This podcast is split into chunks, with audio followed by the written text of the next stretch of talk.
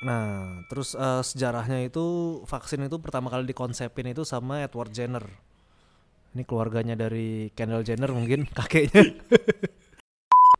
Rame karena kita perlu vaksin yang sekarang Hmm. dan mungkin terkesan dari penyakitnya sendiri aja orang banyak yang ragu di. Hmm.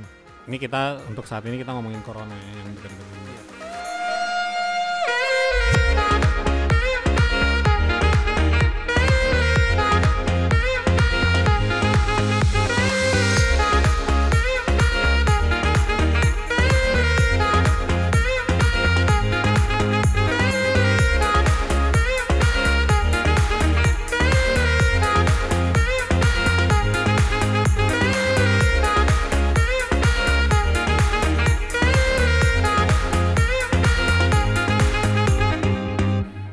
Balik lagi dengan gua Dokter Dibia.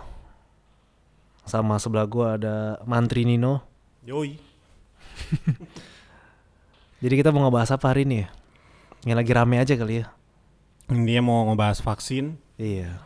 karena katanya sudah terakhir kita take ini kita sudah melihat berita ada sudah nyampe 1,2 1,8 Ya segitulah. Pokoknya yang jelas di antara naik juta pesawat aja. vaksin dari Sinovac. Tapi kita nggak mau ngebahas tentang eh, secara spesifik vaksinasi COVID. Covid. ya. Kita pada dasarnya mau menggunakan kesempatan ini untuk mencerahkan apa sih yang salah anggapannya selama ini tentang vaksin. Hmm. Kenapa banyak yang menjadi anti vaksin di luar sana? Nggak cuma Indonesia, seluruh dunia ternyata emang banyak. Iya, itu. pasti di tiap negara ada aja gerakan-gerakan anti vaksin. Jadi banyak terlalu banyak skeptisisme terhadap vaksin, ini. Vaksin. Apa yang mau lo apa yang lo mau baca dulu tuh? Sebenarnya sebelum kita ngebahas lebih jauh, eh, kita harus tahu dulu sih eh, vaksin itu apa, kegunaannya apa, cara kerjanya gimana, terus bisa didapatnya di mana gitu. Hmm. Jadi sebenarnya eh, gampangnya vaksin itu adalah suatu virus atau eh, strain penyakit penyakit yang menular. Biasanya kan dia disebabkan oleh virus, eh, bakteri, mikroorganisme. Nah, terus dia dilemahkan atau ada beberapa yang dimatikan lalu diproses dan nanti setelah itu jadi vaksinnya dimasukkan ke tubuh biasanya lewat suntikan. Jadi bukan lewat minum. Ada yang minum. Ada Tetes. pin ya? Oh iya polio ya. Iya terus. Oh iya pin, ha, pokoknya dimasukkan lewat mulut, rata-rata memang lewat suntikan. Nah, terus eh, sejarahnya itu vaksin itu pertama kali dikonsepin itu sama Edward Jenner. Ini keluarganya dari Kendall Jenner mungkin kakeknya. Jadi tahun Oke. tahun 17 Kayak dejavu ya. Iya. 1796 nih. Waduh. Udah maghrib 1796 berarti. eh, enggak 96. Ada tuh menit 96 bangsat. Gak ada berarti udah 18 lewat berapa nih? Iya jadi udah banyak banget sebenarnya dari sebelum covid ini udah beberapa penyakit yang tadinya sempat ngewabah, sempat banyak ngebunuh orang juga, akhirnya bisa kita kontrol Contohnya dengan vaksin. Ada smallpox, cacar air, terus ada polio, ya terus dan lain-lain. Nah, dari itu semua sebenarnya sih kalau dari sejarah udah membuktikan bahwa vaksin itu sebenarnya menjadi salah satu senjata yang ampuh buat melawan penyakit-penyakit menular yang ada di dunia ini, ya baik yang baru ataupun yang udah lama. ya. Mm. Terus eh, sebenarnya sih cara kerja anti vaksin itu ya gitu tadi Cara masuk kerja anti vaksin. Eh cara kerja anti vaksin. cara kerja vaksin tadi kan virus yang dilemahkan tuh dimasukin ke tubuh. Jadi dia merangsang tubuh itu untuk membentuk kekebalan alami dari tubuh, membentuk imunitas alami. Ya. Nah, makanya di beberapa vaksin itu biasanya ada tenggang waktunya. Mm-mm. Jadi ada yang seumur hidup sekali, ada yang setahun sekali, ada yang per enam bulan nanti harus dibus. Hmm. Karena kita tetap meng- mengandalkan eh, kekebalan tubuh alami, bukan kita memasukin kekebalan tubuh dari luar atau artifisial gitu. Terus kenapa sih sekarang akhirnya eh, anti vaksin ini jadi apa ya? Jadi rame lagi diperbincangkan. Rame karena kita perlu vaksin yang sekarang Hmm. dan mungkin terkesan dari penyakitnya sendiri aja orang banyak yang ragu di. Hmm. ini kita untuk saat ini kita ngomongin corona ya yang dekat-dekat ini. Iya. Dari penyakitnya sendiri aja orang banyak yang ragu, apalagi solusinya gitu. Jadi makanya orang yang udah telanjur skeptis itu nganggepnya ini permainan farmasi aja supaya rame, supaya banyak, terus in- menjadi industri yang diuntungkan segala macam. Gua rasa sih kayak gitu. Iya, Berarti intinya dari suuzon ya. Dari suuzon, Suuzon dibilang COVID ini adalah penyakit ciptaan manusia, terus sengaja diciptain vaksin buat eh, ngebunuhnya, terus kita harus bayar jadi buat ini. Padahal kan vaksin padahal ditanggung negara nantinya. Kebanyakan. enggak juga. Kebanyakan. Iya, karena ada pernyataan dari pemerintah yang bilang bila mampu sebaiknya beli, Beli. bayar sendiri. Tapi kalau dari aturan pemerintah sih ada beberapa golongan yang diprioritaskan kan. Kayak kita Hmm. tenaga medis, TNI Polri, terus anak-anak usia lanjut, PNS, Anak-anak justru enggak. anak-anak enggak, koruptor. Jadi anak Kan koruptor banyak juga pejabat. Siapa tahu dapat. betul juga ya, bansos aja dikena. Oke, terus da- di bawah lima tahun sampai di atas 60 tahun itu Enggak dapat. tidak diprioritaskan. Yang sudah pernah kena tidak diprioritaskan. Gua nggak dapet dong. Iya, lu jauh-jauh lu. Oh tapi gua tenaga medis kan dapet. Ya enggak, tetap lu udah Oh kena nggak lu boleh. enggak. Kan udah lewat tiga bulan kan Jadi antibody tiga didahulukan untuk yang orang benar-benar pure belum pernah pure kena. ya. Buat virgin. dan buat virgin. untuk tidak kena. Jadi ya, Hmm. ya, di kesempatan ini gue mau menyampaikan bahwa vaksin tuh bukan obat. Jadi, eh, wah ntar makin ramai lagi. Terus buat apa kita vaksin kalau ternyata nggak menyembuhkan? Emang bukan Baca. buat menyembuhkan. Makanya baca. Iya. Jangan nonton YouTube tentang anti vaksin. Kalau buat kalian yang percaya dengan penyakit ini, kalian udah sangat khawatir pasti bahwa kita tuh udah nah, berapa terakhir? Berapa ratus ribu di Indonesia? Kasus harian dua hari yang lalu kalau nggak salah 8.300 rekor. Hari ini gua nggak tahu berapa. per harinya. Per Ya kan, artinya Penambahan penyebarannya kasus. itu sangat cepat. Hmm. Nah, kita itu dengan vaksin mau menanggulangi penyebarannya, Hmm. bukan menanggulangi penyakitnya. Iya. Jadi eh, gampangnya gini, vaksin itu tadi seperti udah dijelaskan, dia dilemahkan dari virus COVID itu sendiri yang dilemahkan atau dimatikan ya untuk Iya. itu dimatikan. Kemudian disuntikan ke dalam tubuh setiap yang belum pernah sakit tadi. Diharapkan nanti dari virusnya itu mengeluarkan antigen ya. Kalau nggak ngerti coba sambil googling sendiri.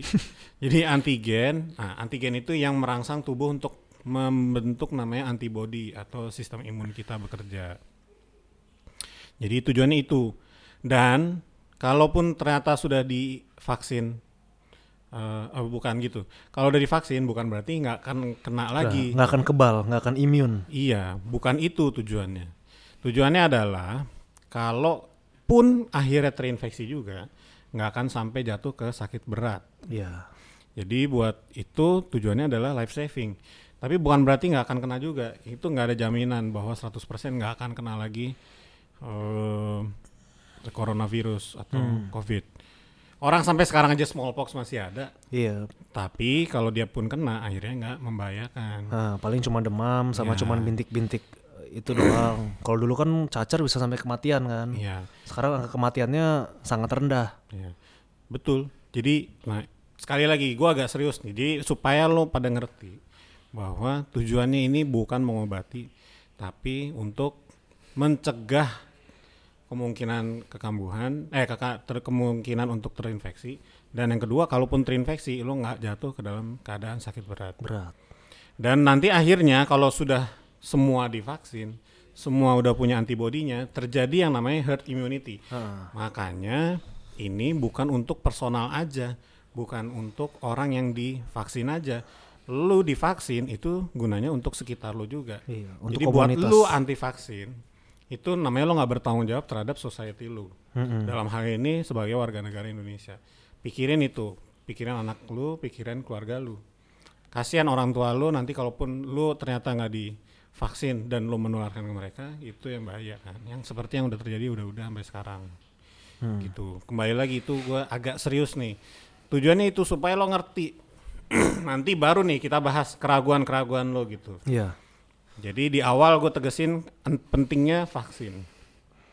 Terus kemudian muncullah banyak kan anti vaksin dengan segala macam Alasan. alasannya, Hmm. baik tentang agama, mungkin misalkan di kandungannya terkandung Gelatin. babi, gelatin ya kan, itu yang pertama. Yang kedua bad kena bad publicity dulunya ada bilang vaksin bikin autis, autisme terus bikin bego atau bikin apa bisa macam. bikin bego terus bisa mati juga ada Mati, kematian Jadi gitu, apalagi macam-macam deh. karena banyak sih alasan-alasan anti vaksin tapi yang Ya. paling sering gue lihat di komunitas kita di Indonesia itu pertama mempertimbangkan masalah agama. Karena kan di beberapa vaksin ada yang menggunakan bahan medianya eh, gelatin babi. Padahal sebenarnya kadang ada yang media gelatin itu memang dipakai tapi dia hanya untuk mengembangkan aja mengembangkan virusnya. Hmm. tapi yang saat dimasukin ke vaksinnya itu gelatinnya udah nggak ikut udah nggak ada. Hmm. jadi cuma buat medianya aja sebenarnya buat nampungnya aja loh Hmm. Nah, jadi pas saat dimasukin ke vaksinnya itu udah nggak ngandung gelatin babi atau apa dan Ya. pula yang masuk ke Indonesia itu kan nanti udah dapat sertifikasi halal dari MUI Yap. jadi pun kalau misalkan itu Tapi haram yang ini udah udah Ini udah, udah ada kan? MUI Ah. Ya udah. jadi pun kalau memang haram ya yang dosa kan MUI berarti Ya. karena dia yang udah ngesertifikasi Serahkan aja gitu Ah, loh. sebagai warga pada negara yang badan baik. yang sudah bertanggung jawab untuk memberikan Iya. sertifikasi Jadi halal. gitu. jangan lo lakuin research sendiri cuman dari Google atau YouTube aja. Karena MUI kan juga punya badan research sendiri, dia Hmm. ada kerja sama sama badan-badan lain yang buat nge-breakdown kandungannya. Iya. Hmm. Kembali lagi, ini bukan lu buat lo doang masalahnya. Iya. Jadi apa pun ide yang muncul dari kepala lo yang menganggap bahwa eh, vaksin ini haram sehingga badan lo tuh anti untuk diberikan vaksin. Ini bukan buat bolo doang gitu, tapi buat sekitar lo. Kembali lagi itu lo harus ingat. Hmm. Jadi eh, kepentingannya nih berbeda gitu ya kan. Hmm. Sama aja kayak lagi perang nih. Gitu. Kalau lagi perang terus makanannya ada babi, masa lo nggak makan sih gitu. Kalau Iya. nggak lo mati, nggak bisa ikutan perang. Keadaan darurat makanya kan. Keadaan darurat sekali lagi. Walaupun gua bukan ahlinya dalam hal keagama, tapi gua rasa ya itu menjadi pertimbangan lah kenapa MUI bisa ngasih dong. Iya. Gitu. Karena nggak ada pilihan lainnya. Terus juga kemarin gua sempet eh dengar berita ada seorang sejawat kita kayak dia bikin tulisan. Dia bikin tulisan dia bilang eh, vaksin COVID ini katanya berasal dari janin. Jadi janin yang diaborsi atau yang entah udah dilahirin terus dia di, dicacah katanya bayi dicincang terus dibikin itu itu beneran bon Nggak, kemarin itu dapetnya dari mana nah gitu. itu gua nggak tahu itu gua Dia bisa nulis kayak gitu, Iya. sejawat gitu. dia maksudnya. dapat akhirnya dia Terus dapetnya dari mana? kemarin kasusnya ya sempat lumayan agak rame akhirnya dia mau dipanggil ID cuma gua nggak tahu kelanjutannya gimana Hmm, nah, nah yang gitu-gitu kadang kan kita kita pun yang sebagai orang yang praktisi kadang-kadang juga suka salah dapat dapat info Ini atau gimana ya atau terlalu cepat menyimpulkan mungkin ya Kemarin-kemarin kita nyalain influencer gitu.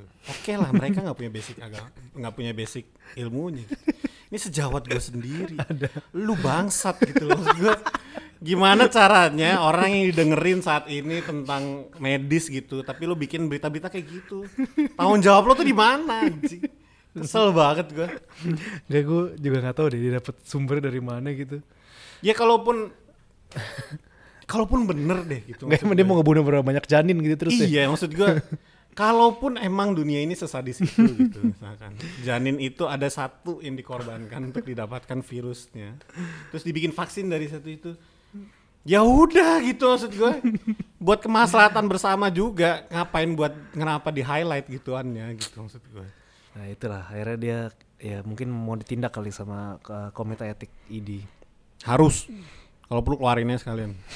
Otaknya udah nggak benar berarti. sebenarnya banyak sih kalau pertimbangan-pertimbangan orang itu ini terlepas dari covid ya Iya. Eh, ada eh, salah satu kerabat gue juga dia memang anti vaksin jadi dia sama mungkin da- dia dari dianya sama anak-anaknya itu nggak ada yang divaksin Hmm. ya tapi emang kelihatan jadi sakit-sakitan gampang sakit ininya Oh ya. dikit-dikit demam dikit-dikit ini Ya gue nggak mau bilang sejauh itu sih, karena ada aja sih eh, kenalan deh, kenalan gue yang memang tidak divaksin. Eh, ya sehat-sehat aja. sih, ya nggak divaksin gitu. Tapi kan apa iya sih gitu lo mau gimana ya cara ngomongnya? Kalau gue tuh ada studi yang udah menjelaskan gitu maksud gue kenapa harus diopo sih gitu maksudnya Dan ini kan bukan buat dia doang gitu sekali lagi. Mungkin dia terlalu pede sama daya tahan Dan satu tubuhnya ya, kali ya. kalau misalkan itu tidak mem, tidak mengimunisasi anaknya, tidak memvaksin anaknya, itu yang yang minta anak itu nggak divaksin kan siapa gitu? Orang tuanya Orang tuanya kan maksud gua anaknya sendiri kan nggak tahu apa. nggak tahu apa-apa gitu. Iya. Terus nanti pas gedenya ternyata kenapa-kenapa, lu mau kayak gimana gitu? Iya kan? Nah itu biasanya eh, sering bermasalahnya mungkin nanti pas sudah dewasa iya. bisa Kayak misalkan bisa. MMR gitu kan? Iya. Itu kan tujuannya untuk nanti supaya nggak kena gondong, Hmm. atau eh, rubella gitu kan. Nah, yang di mana kalau gondongan nanti ujung-ujungnya bisa mempengaruhi sperma. Oh iya itu. Itu. Mams, mams juga bisa. Iya kan? Yang pengaruh Ya, sperma itu. mams kan gondong bang. jadi itu kalau misalkan dia akhirnya jadi mandul Iya. gara-gara mams dan karena kecilnya nggak di MMR sama orang tuanya yang salah siapa coba maksud gue Masuk lo mau neraka. tanggung jawab kayak gimana Masuk gitu. neraka lu. Iya, apalagi ternyata dia anggota royal ini kan kerajaan gitu. Iya. Royal family, Terus nggak punya keturunan gara-gara anti vax gitu. Iya, eh, dicincang lu jadi vaksin juga lu. Ya gitu lah maksudnya. Em, banyak mitos yang berkembang, banyak berita miring yang berkembang. Tapi gua rasa lo harusnya kan punya hati nurani minimal ya. Hmm. Jadi kalau nggak punya otak minimal punya hati lah gitu. Kalau nggak punya dua-duanya, kalau nggak punya dua-duanya lo mending ke hutan maksud gue ya itu kan basic yang Iya, iya, dimiliki dalam suatu Iya. lingkungan gitu kalau nggak punya itu nggak ada rasa tenggang rasa atau rasa apa ya eh, empati terhadap lingkungan gitu Hmm. jadi dan lo nggak mau berpartisipasi dalam hal itu gitu Jadi mending lo nggak usah tinggal di sini gak sih mengurangi fungsinya dia sebagai makhluk sosial juga berarti ya. Iya. Kalau kayak gitu. Sorry ya isinya jadi ranting aja gitu.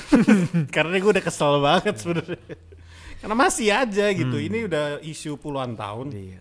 di luar negeri juga, terutama di Amerika dulu. Terutama grup Facebook banyak tuh grup-grup anti vaksin. Jadi ibu-ibu yang baru punya anak atau lagi mau lahir, lahiran, grup itu ya, lo kalau dulu nggak ada sosial media, lo nggak punya otak, itu lo nggak nggak menjangkau orang yang nggak punya otak lain tuh nggak. Tapi kalau punya grup di Facebook, orang-orang bego itu ngumpul gitu loh. Wah tapi bah- bahaya-bahaya sekarang grup Facebook sekarang ada-ada aja. Terus dia bisa apa ya kayak nge-brainwash orang-orang aja dengan sumber-sumber yang nggak jelas gitu. Mungkin dengan ibu-ibu yang eh, kurang pergaulan atau mungkin dia dasar pendidikannya rendah. Gua nggak ini ya nggak merendahkan orang ya. nggak apa-apa merendahkan juga. nah itu jadi ke- ketika baca dari sumber-sumber Facebook yang nggak jelas itu mereka langsung nelen mentah-mentah. Dia bilang wah ini vaksin anak gua autis nih, pasti autis nih. Padahal nggak juga. Sebenarnya dulu yang bilang penelitian vaksin autis itu pun juga salah itu sebenarnya kan. Iya. Penelitian palsu kan, false. Iya. Setelah di breakdown lagi. Terus ada pendapat juga yang bilang imunitas alami lebih baik dari imunitas yang didapat dari vaksin. Ya Padahal- bisa juga kalau Iya. akhirnya jadi imunitas alami gitu. Tapi kan padahal ujung-ujungnya kan dari dari vaksin pun yang keluar juga imunitas alami kan sebenarnya. Betul. Jadi kalau vaksin itu memaksa diri lo untuk menghasilkan imunitas Hmm. alami itu. Beda kalau misalkan teman kita kena penyakitnya, kita Iya. terus terpapar, kita nggak sakit, kita akhirnya bikin Hmm. imunitas alami. Kalau lo mau gini logikanya kalau lo mau punya imunitas alami, lu mesti nyari penyakitnya dulu, lu mesti kena dulu. Terus Iya. lu mesti ngelewatin eh, ada namanya survival rate. Misalkan angka kematiannya satu dari 100 ribu. Mm-mm. Nah kalau lo tiba-tiba dapat yang satunya yang mati gimana? Padahal kalau dengan vaksin angka itu bisa dikecilin. Ya. Bisa lebih kecil. Misalkan dari satu banding 100 ribu, cuma jadi satu banding seribu. Lebih kecil chance-nya. Ya. Kembali lagi ke COVID. Hmm, Kita ini kan udah 9 bulan nih di, iya. di limbo kayak gini kan. Ya kalau untuk kebijakan pemerintahnya ya, antara kebijakan atau tidak mengambil kebijakan pemerintah kita ini. Nah itu kan berbeda dengan yang diambil negara tetangga. Negara tetangga itu memaksa gimana caranya lo jangan sampai kena satu pun gitu kalau Iya. bisa. Akhirnya Singapura berhasil. Misalkan Korea Selatan mungkin berhasil menekan. New Zealand yang menjadi negara yang paling berhasil uh, untuk tidak uh, sangat sedikit yang terjangkit kan Hmm. dengan dia menerapkan Iya, lockdown iya, iya. segala macam. Negara kita dengan kebijakan yang diambil yaitu untuk tidak mengambil kebijakan. jadi Dengan membiarkan kan diharapkan akhirnya jadi herd Herd immunity, sendiri kan. Iya. Ini udah 9 bulan nggak ada tanda-tandanya kita terjadi kebal gitu. Dan angkanya masih naik terus. Masih naik terus, yang Ini kita harusnya belum udah turun. belum ada di puncak, negara-negara lain udah sampai peak, udah mulai turun, kita masih naik Nah, terus. itu dia. Emang kalau dibandingin negara yang lebih buruk ada, tapi apa ya sih lo mau bandingin sama negara yang lebih buruk mulu? Masa gitu? lu mau berlomba-lomba jadi yang paling buruk? Nah, jadi ini udah 9 bulan bos kita kasih kesempatan kita terjadi herd immunity. Nggak juga kan?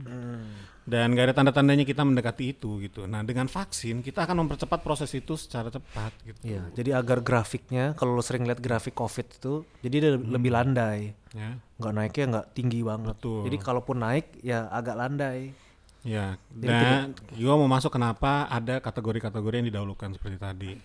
Yang pertama yang gue tahu, nggak tahu sekarang beritanya gimana, tapi yang gue tahu dulu adalah pemerintah didahulukan, kemudian anggota MPR DPR, Iya. Kemudian eh, PNS itu didahulukan. Kenapa mereka itu didahulukan? Ya sama aja kita punya organisasi, pasti struktur akan diselamatin duluan. Mm-mm. Yang kedua adalah diberikan eh, syarat kalau yang di bawah lima tahun dan di atas 60 tahun nggak dikasih, sama yang udah pernah sakit juga nggak dikasih. Ini juga ada sejawat gue yang mempertanyakan kebijakan ini gitu. Heh, lu kan juga tahu vaksin ini tujuannya adalah mencegah supaya nggak makin banyak yang sakit gitu. Kalau lu udah pernah sakit ya udah nggak usah gitu maksud gue. Jadi jangan ya lu kan lu dokter gitu loh kenapa masih nggak ngerti juga sih yang kayak gitu gitu jadi emang tujuannya untuk menyelamatkan orang yang belum pernah sakit dulu nih gitu dan yang kemungkinan survive-nya tinggi kalau misalkan orang tua dikasih anak-anak dikasih akhirnya eh, mengurangi apa namanya Stok. eh, stok untuk yang usia produktif, ini dulu gitu akhirnya yang ini kemungkinan ya itu kan ilmu ini ya ilmu apa sih namanya yang mana prioritasin duluan iya. gitu maksudnya. Bukan berarti nggak dikasih tuh nggak diperhatiin, tapi List kan prioritas. Nanti lu mungkin dapat atau caranya lu beli sendiri bisa. yang satu anak-anak emang udah kuat. Yang kedua orang tua itu emang ya mohon maaf emang kemungkinan eh, sakit beratnya tuh lebih tinggi gitu. Iya. Terus dia juga aktivitas keluarnya kan dia lebih rendah kan. Mungkin Iya, karena jadi dia di kita rumah kita aja. dulu memang yang usia produktif yang didahulukan. Karena kalau di COVID ini kebanyakan kalau usia tua itu dia biasanya terkena sama yang usia muda yang masih serumah. Karena kita kan masih aktivitas keluar. Iya.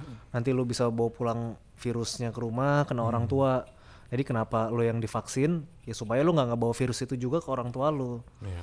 Jadi mikirnya harus gitu, harus eh, apa ya? mi- Mikir mikirnya berantai, jangan mikir anjir gua nggak dikasih vaksin nih. Ini pemerintah nggak sayang sama gua nih. Bukan gitu. Sebenarnya ya memang ada yang diprioritasin. Yang ngelompokin itu juga orang-orang yang berilmu, yang belajar. Iya. Bukan cuman lulusan SD apa SMP yang asal-asalan aja. Men, gue tahu ya maksudnya kita semua skeptis terhadap struktur negara ini gitu ya. Tapi lo bisa apa gitu? Lo ngelawan pun juga Iya. nggak ada gunanya gitu suara. Udah lo ikutin aja gitu. Percayain aja. Dan ini lo jangan sangka bahwa kalau misalkan kita tuh sama aja kayak menyerahkan nyawa kita ke pemerintah. Enggak. Vaksinnya itu gua jamin aman gitu. Iya. Gua jamin aman. Karena yang udah-udah diperiksa itu juga eh, kejadian ikutannya pas saya imunisasinya Kipi, itu kipi. sedikit gitu dan demam-demam doang gitu. Demam, ya paling Jadi nggak ada yang di luar kewajaran. Jadi kalau yang dibilang ada yang mati waktu itu relawannya ya kan ada. Iya.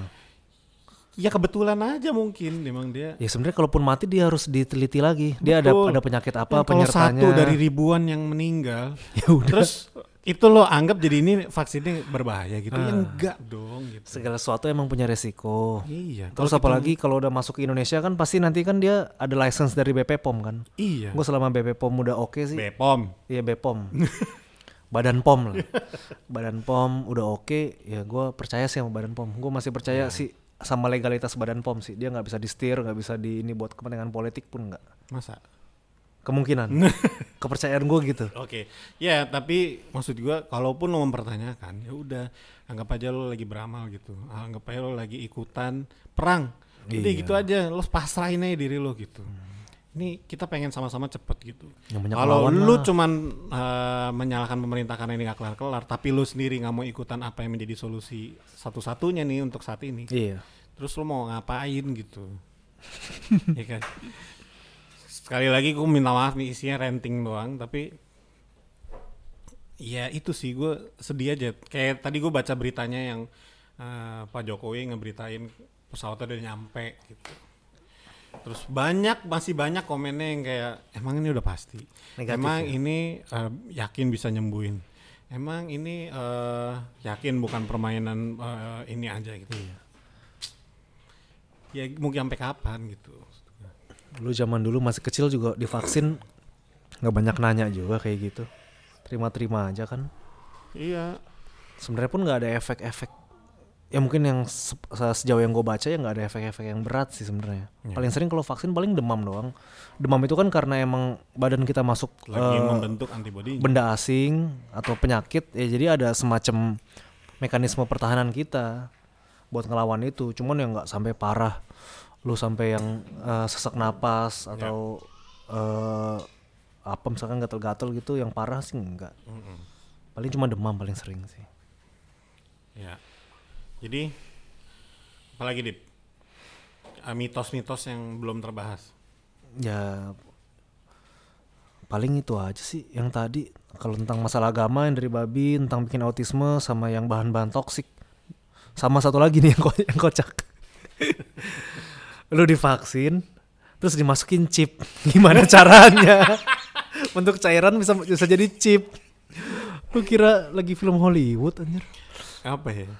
enggak lu logikanya nih air anggaplah vaksin tuh air kan cairan Kan ada sekarang model microchip. Oke nih, gua ele, apa, gua ceritanya ada di iya otaknya mereka aja. nih. sema- sekecil-kecilnya chip semana sih sesim card coba deh itu gimana caranya di, bisa masuk pembuluh darah kita juga sama sim cardnya gedean sim card kali gimana caranya mau masuk nah itu gue yang gak habis pikir sih ada dulu influencer kita bilang ini dari Bill Gates kita dikasih microchip supaya ntar kehidupan kita bisa diatur semuanya sama dia bisa kontrol Hmm. gimana caranya masukin microchip Nggak usah gitu, lo pakai Microsoft. Semua Iya. produk lo itu udah dipegang sama Bill Gates. Gak usah pakai microchip. lu punya punya Facebook kayak lu udah ketahuan Nah. semua kesukaan lu hobi-hobi lu Iya. buka Tokopedia lu udah ketahuan Sekalian aja udah gitu maksud gua. Kalau lo masih percaya itu bahkan ya udah lo sekalian aja orang lo juga hidup di goa Iya. itu solusi gua buat orang-orang yang takut emang lu sepenting apa sih Iya. takut kehidupan lu dikontrol gitu takut rekening lu dibobol emang sebanyak apa gitu uangnya Iya. ya kalau emang lu ketakutannya sampai segitunya ya lu nggak usah ikut era modernisasi kayak zaman sekarang. Baliknya ke zaman dulu komunikasi lewat merpati. Kayak gitu. Nah itu jadi buat ngelurusin pemikiran-pemikiran orang aja yang mikirnya terlalu jauh. Kayak ntar kita takut dipasangin uh, microchip kehidupan kita nanti dikontrol ini itu enggak sekarang pun dengan lu sa- nggak sadar pun kehidupan lu juga udah dikontrol sama orang-orang itu. Tapi kan balik lagi ke diri lu sendiri kan? Ya. Ada yang ini nggak? Pak Don ada ada kegelisahan nggak sekali? Pak produser Oke. Mungkin itu aja kali ya dari gua. Ntar yang Iya. ada gua marah-marah mulu. Iya, ini lagi ini nih sesi emosi nih. Sesi emosi Belum gajian ya? emang belum. Oh, kan belum tanggal ya. berapa? Oh iya. Pantesan. ya intinya Lagi sesi ngegas. intinya gua cuman khawatir kalau lo terlalu sibuk dengan eh, pikiran-pikiran lo yang tadi yang bahkan gak ada solusinya juga. Tapi mendingan eh, partisipasi aja deh. Iya, iya. itu penting banget please Iya. kita semua pengen buru-buru ini semua kelar Mm. kita pengen buru-buru eh, cepet-cepet kembali ke no- normal, Normal. baru deh kalau misalkan emang nggak akan normal kembali kayak Iya. gitu Setidaknya normal. lo bisa kerja dengan bebas anak bisa nggak sekolah. perlu mikirin terlalu mikirin orang tua lo Hmm. bakal sakit anak lo bakal sakit segala macam kita semua pengen itu jadi kerjasamanya aja udah Iya.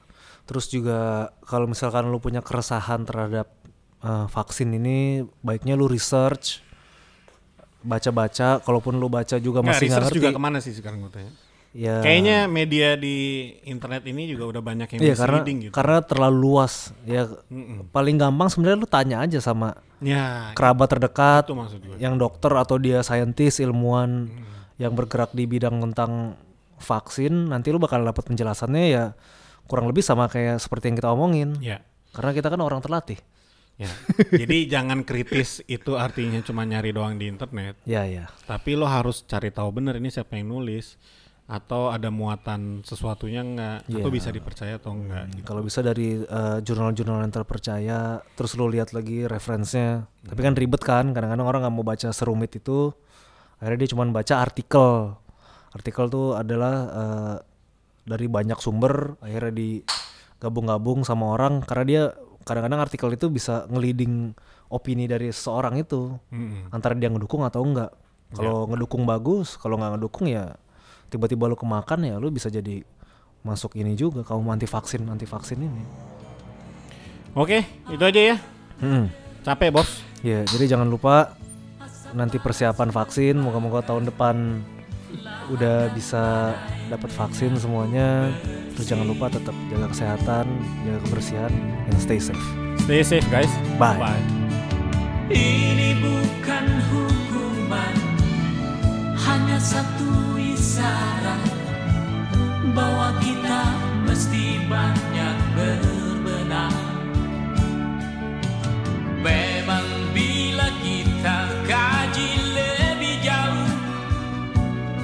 Dalam kegalutan Masih banyak